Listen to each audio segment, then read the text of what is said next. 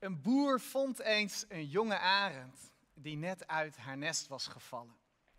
Hij nam de arend mee naar huis, naar zijn boerderij en stopte de arend in een kippenren. En daar leerde de arend om te lopen als een kip, te tokken als een kip en te eten als een kip. En het gevlieg van de arend was niet meer dan een paar meter hysterisch rondfladderen als de arend samen met de kippen ergens van schrok. Maar op een dag kwam een bioloog langs. En de bioloog die geloofde dat de vogel, ondanks dat ze zich nu gedroeg als een kip, in haar hart nog altijd een arend was. Dus hij tilde de arend op en hij hield haar hoog in de lucht. Terwijl die riep, je bent een arend, vlieg, spreid je vleugels uit en vlieg. De arend werd in verwarring gebracht, want ze wist niet wie ze was. En toen ze haar kippenvriendinnen om haar heen zag waggelen, sprong ze uit de handen van de bioloog om weer graan van de grond te pikken samen met de kippen. De bioloog besloot om het hoger op te gaan zoeken. En hij nam de vogel mee naar het dak van de boerderij.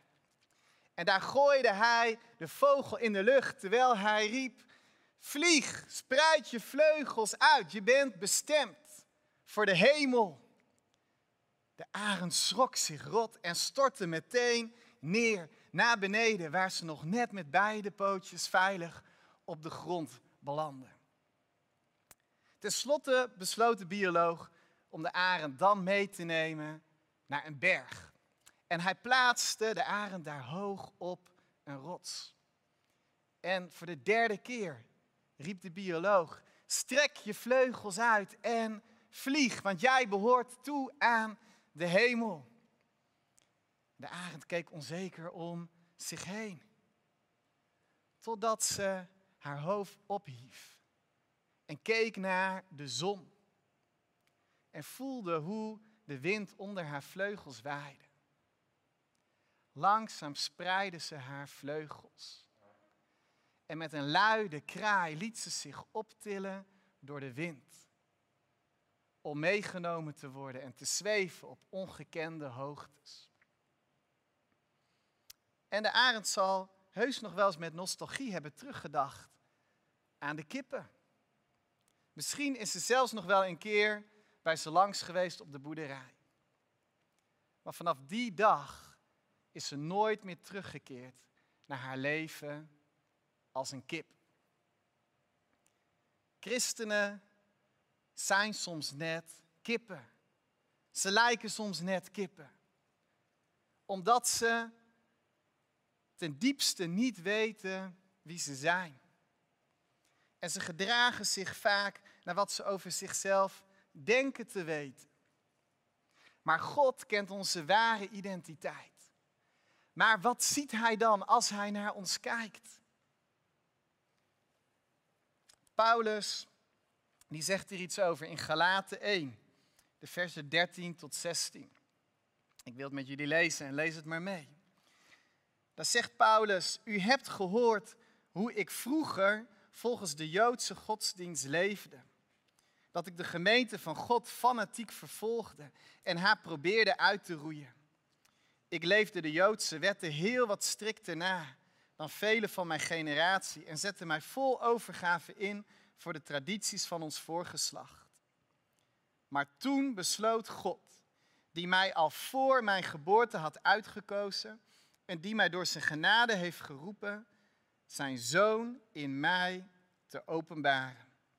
Opdat ik hem aan de heidenen zou verkondigen. En ik heb toen geen mens om raad gevraagd. Als Paulus kijkt naar waar hij vandaan komt, dan heeft hij weinig goeds over zichzelf te vertellen. Zijn leven werd gekenmerkt door wetticisme. En Paulus had een hekel aan de kerk. Paulus in de kerk, dat was zoiets als Geert Wilders naar een willekeurige moskee sturen. Maar dan vele malen extremer. Paulus die wist dat hij was tekortgeschoten. Paulus wist hoe veroordelend hij was geweest naar andere mensen. Paulus wist hoeveel mensen hij pijn had gedaan. Oh, Paulus kon ze zich zijn verleden maar al te goed herinneren. En wat zie jij als je kijkt naar jouw verleden? Want laten we eerlijk zijn, we laten onze identiteit makkelijk definiëren door de dingen die we hebben meegemaakt. Als we terugkijken op wat achter ons ligt. Misschien kijk je naar jezelf vanuit het gezin waarin je bent opgegroeid. Dat doen velen van ons. Welke plek had jij in dat gezin? Wat waren de verhoudingen tussen jou en je vader, je moeder, je broers en je zussen? En op welke manier heeft je dat gevormd? Waarin ben je door ze opgebouwd? Waarin ben je juist door ze beschadigd? Waarin ben je door ze aangemoedigd? Waarin ben je juist door ze tegengehouden of afgeremd? Wat zie jij als je naar jezelf kijkt vanuit het gezin waarin je bent opgegroeid? Of je kijkt naar jezelf vanuit je religieuze achtergrond. Misschien ben je christelijk opgegroeid. Heel erg streng en wettisch of juist heel vrijzinnig. Heel erg met het woord of heel erg met de geest. Misschien ben je wel in een andere religie opgegroeid. Of zonder geloof. Wat is jouw weg geweest op godsdienstig gebied? En op welke manier heeft je dat gevormd? Welke overtuigingen hoorden daarbij? En welke normen en waarden? In hoeverre heeft jouw religieuze achtergrond bepaald hoe jij kijkt naar God? Hoe je kijkt naar jezelf? Hoe je kijkt naar de wereld en de mensen om je heen? Wat zie je als je naar jezelf kijkt vanuit je religieuze achtergrond? Of je kijkt naar jezelf vanuit de zonde die je hebt gedaan. Welke misstappen ben jij begaan? Welke geheimen draag jij met je mee? De duistere kanten aan je leven die je het liefst voor iedereen verborgen wil houden. Of juist schaamtelozer uitklapt in de hoop dat je de aanvaarding zult vinden in anderen die je niet kan vinden in jezelf. Wat zie jij als je naar jezelf kijkt? vanuit de zonde die jij hebt gedaan. Paulus kent zijn verleden goed. Hij herinnert zich maar al te goed wie hij vroeger was. Hoe hij is opgevoed. Hoe religieus hij was. Hoe zondig hij was. Paulus weet het zich allemaal maar al te goed te herinneren. En het is soms ook goed om je te beseffen waar je vandaan komt. Maar jouw verleden hoeft niet te bepalen wie jij vandaag bent. Jouw identiteit hoeft niet gedefinieerd te worden door de dingen die jij hebt meegemaakt. Want Paulus zegt, want toen, toen besloot God om zijn zoon in mij te openbaren. En let nu goed op, want dit is een van de diepste waarheden over onze identiteit die we vinden in de Bijbel. Want Paulus zegt hier niet, toen besloot God om zijn zoon aan mij te openbaren. We weten hoe dat gebeurde. We weten hoe Jezus aan Paulus werd geopenbaard. Dat was een, een fysiek waarneembare gebeurtenis van buitenaf waarbij Paulus plotseling werd omstraald door een intens hemels licht en waarin hij de stem van Jezus hoorde. En niet alleen hij, maar ook iedereen die op dat moment met hem was. Op die manier werd Jezus aan Paulus geopenbaard. Maar we lezen hier wat anders. Er staat, maar toen besloot God om zijn zoon in Paulus te openbaren.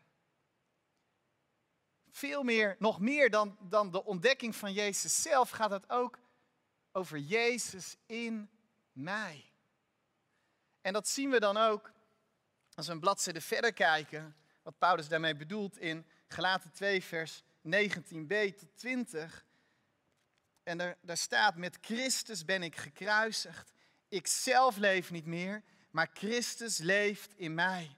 Mijn leven hier op aarde leef ik in het geloof in de Zoon van God, die mij heeft liefgehad en zich voor mij heeft prijsgegeven. Als God zijn Zoon in mij openbaart, zie ik niet alleen de persoon Jezus, maar ik zie ook zijn leven in mij. Met de keuze om Jezus aan te nemen in mijn leven komt niet alleen Jezus, maar ook al zijn eigenschappen in mij. Met Jezus komt, komt zijn liefde, zijn acceptatie, zijn kracht, zijn rust, zijn blijdschap, zijn moed, zijn dromen, zijn verlangens. Ook in mij. Dan word je werkelijk zoals je bestemd bent door de Maker. Dan word ik werkelijk wie ik ben. En dan komen mijn unieke eigenschappen nog beter tot hun recht. Als Jezus in mij de ruimte krijgt. Wie jij bent, wordt niet bepaald door je verleden. Jouw identiteit wordt niet gedefinieerd door het gezin waarin je bent opgegroeid. Door jouw religieuze achtergrond die jou heeft gevormd. Of door de zonde die jij hebt gedaan. Nee, jouw identiteit wordt bepaald door Jezus in jou. En jouw identiteit wordt niet alleen niet bepaald door je verleden. Het wordt ook niet bepaald door je opleiding. Of je inkomen. Of je status. Of je geaardheid. Of je diagnose. Of degene met wie je in een relatie zit. Nee, jouw identiteit wordt bepaald door Jezus in jou. Misschien voel je je soms een kip. Maar God weet dat jij een arend bent. En met Jezus mag je leren om in die identiteit te wandelen. En hoe ziet dat er precies uit? Nou, kijk maar mee in het volgende filmpje wat al deze mensen daarover te zeggen hebben. Super mooi. Jezus in mij, Jezus in jou. Het wordt op zoveel verschillende manieren zichtbaar. En het is mooi als je thuis zo kijkt om ook even je reactie daarop in de chat te geven. Wat je daarin heeft aangesproken, maar misschien ook wel om je eigen getuigenis in die paar woorden neer te zetten. Wie was jij voordat je Jezus kende? En wat is er veranderd toen je Jezus in jou ontdekte, toen Jezus in jou werd geopenbaard? Laat het in de chat weten. We kunnen elkaar op die manier zo mooi bemoedigen en elkaar daarin ook aanvuren. En de ontdekking van wie Jezus in jou is, dat blijft niet zonder uitwerking. Wie jij bent, dat wordt ook zichtbaar in wat jij doet.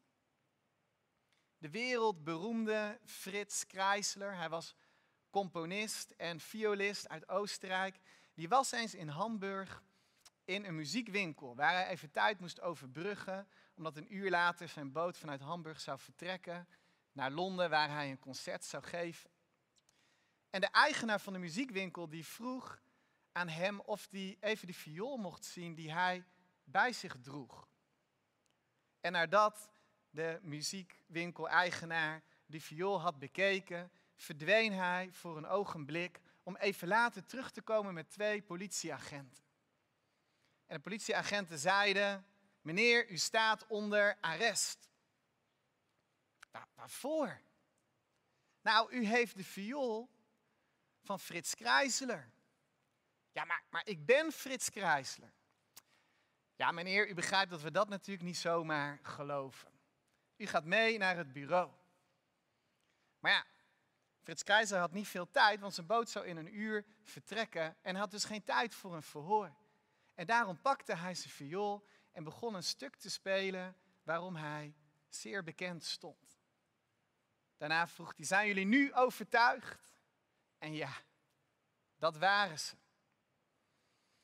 Identiteit en gedrag staan niet los van elkaar. Ze liggen in elkaars verlengde. De violist speelt de viool. Dat is geen hogere wiskunde.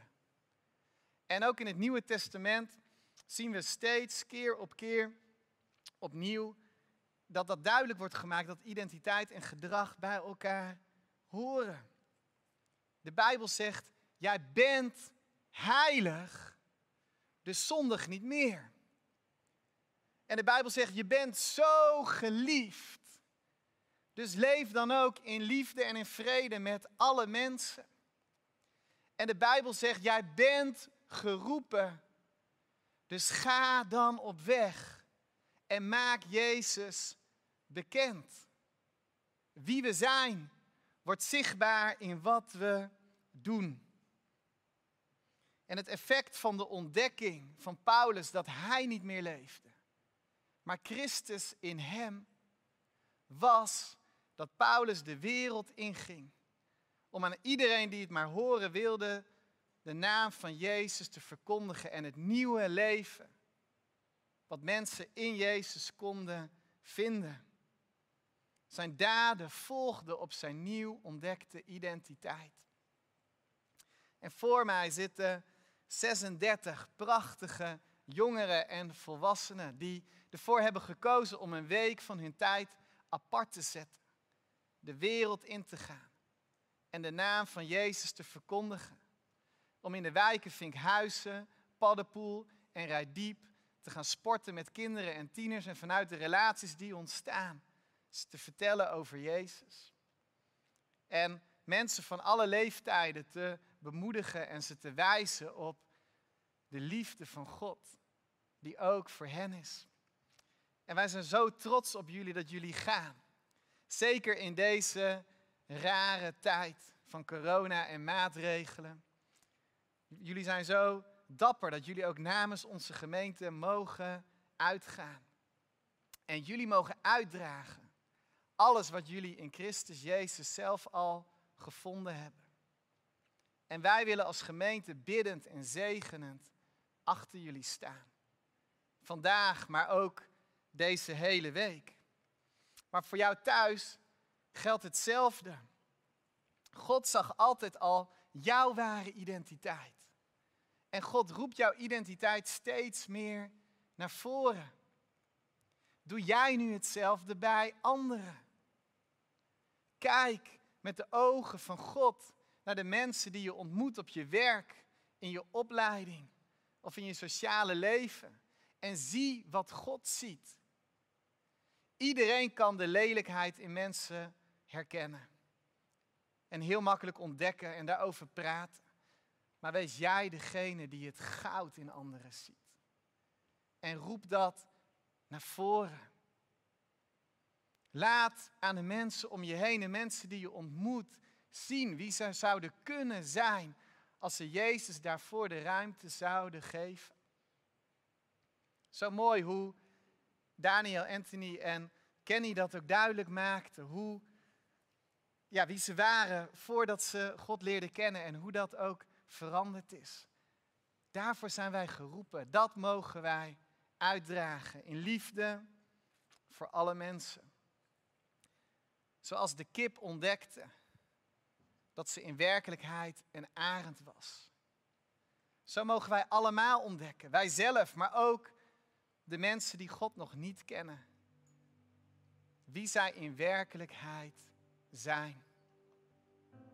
Namelijk meesterwerken van de Schepper. Gered door de Verlosser. En geliefde zonen en dochters van de Allerhoogste Koning. Amen. Laten we samen bidden. Ja, Vader God, we danken u voor uw liefde. We danken u dat u ons heeft gemaakt. We danken u dat u vanaf het allereerste begin naar ons verlangt. Om te leven in relatie met ons. Dank u wel, Heer, dat u ons heeft gered door uw Zoon Jezus Christus aan ons te openbaren. Maar niet alleen aan ons, maar ook in ons. Dank u wel hoe u ons leven vernieuwt. Van dag tot dag. Iedere dag weer een beetje meer. Dank u wel dat we steeds meer mogen ontdekken wie we werkelijk zijn. Wie we echt zijn in u. En Jezus, we kiezen ervoor om vandaag ook opnieuw u weer meer toe te laten in ons leven. Jezus, kom dichterbij. Hier en laat alle eigenschappen die, die we vinden in uzelf in ons tot ontplooiing komen. Maar niet alleen voor onszelf, maar ook voor de wereld om ons heen. Heer, we bidden dat we lichtend licht zullen zijn. Dat als mensen naar ons kijken, dat ze U in ons zullen zien. Omdat wij christenen zijn, wiens gedrag overeenkomt met onze identiteit. Oh Jezus, en daarin hebben velen van ons nog zoveel af te leggen en nog zoveel te ontdekken. Maar Jezus, we bidden om meer van U en minder van ons. We bidden dat U meer en meer zichtbaar wordt in ons. En dan dank ik U voor de tientallen prachtige mannen en vrouwen, jong en oud, die deze week de wijken ingaan. Heer, we bidden dat zij dat lichtend licht mogen zijn. Dat iedereen met wie ze in contact komen deze week door hun bemoedigd en opgebouwd en bekrachtigd zullen worden. Dat ze in de ontmoeting met hun u mogen ontmoeten. En mogen ontdekken hoe zij door u zijn bedoeld. En daarom willen we jullie als gemeente ook uitzegenen. En we willen vragen of jullie willen gaan staan in het vak waar jullie zitten. Het licht gaat ook aan en de camera wordt ook op jullie ingezet. Zodat we ook als gemeente kunnen zien wie deze mensen allemaal zijn. Je mag met camera ook gerust voor hun hoofden gaan staan. dan zien we alleen hun achterkant. Ja, ik zie nu ook de hoofd. Mooi. En ik wil vragen aan de andere mensen die in de zaal zijn om ook zegenend hun handen naar jullie uit te strekken. Maar ook als je thuis zit. Kom van je bank af, strek je handen zegenend uit naar deze mensen. Laten we voor ze bidden, laten we ze zegenen. En jullie mogen de zegen ook ontvangen door jullie handen daar ook voor te openen. En daarmee ook jullie harten. Ja, Vader God, we danken u voor deze prachtige mensen. Dank u wel dat ze mogen gaan in uw geest en in uw kracht. En dank u wel dat elke stap die ze zetten, dat dat samen zal zijn met u. Want u hebt beloofd dat u alle macht heeft in de hemel en op aarde. En dat u met ons zal zijn alle dagen van ons leven. Tot de voltooiing van deze wereld. En daarom mogen jullie ook ja, in dat geloof, in die zekerheid, de wijken Vinkhuizen, Paddenpoel en Vinkhuis uh, en Rijdiep ingaan in de overtuiging dat Jezus met jullie is. Hij is in jullie, hij is voor jullie, hij is achter jullie. Hij staat naast jullie, hij staat boven jullie en om jullie heen. Hij omgeeft jullie volledig met zijn tegenwoordigheid. En zo zegenen we jullie uit als gehele gemeente. En zeggen wij als broers en zussen, wij zijn zo trots op jullie. En we geloven zo in wat jullie doen deze week. En we bidden dat, ja, dat jullie inderdaad ook de zegen zullen ontvangen. Zodat, zodat jullie in, uit, vanuit overvloed kunnen uitdelen. Dat alles wat Jezus is zichtbaar zal zijn in jullie. En dat jullie vanuit de volheid van wie Hij is in jullie mogen uitdelen. En daarom zegen ik jullie met de liefde van God de Vader. Die vanaf het begin van jullie geboorte daar al was. En die jullie bevestigt in jullie identiteit. En ik zegen jullie met het nieuwe leven van Jezus Christus, zijn zoon. Jezus in jou. Dat al zijn eigenschappen zichtbaar mogen worden in jou, ook deze week. En zegen ik jullie in de kracht van de Heilige Geest. De vrucht van de Geest dat Hij zichtbaar mag worden. Dat Jezus zichtbaar mag worden in jullie. Door het werk van de Heilige Geest in jullie. En zo zegenen jullie uit. En staan we te wachten op de verhalen waarmee jullie terugkomen. In de machtige naam van deze drie enige God. In de naam van Jezus. Amen. Blijf voor deze mensen bidden deze week en draag ook uit in jouw omgeving wat Jezus in jou heeft gelegd.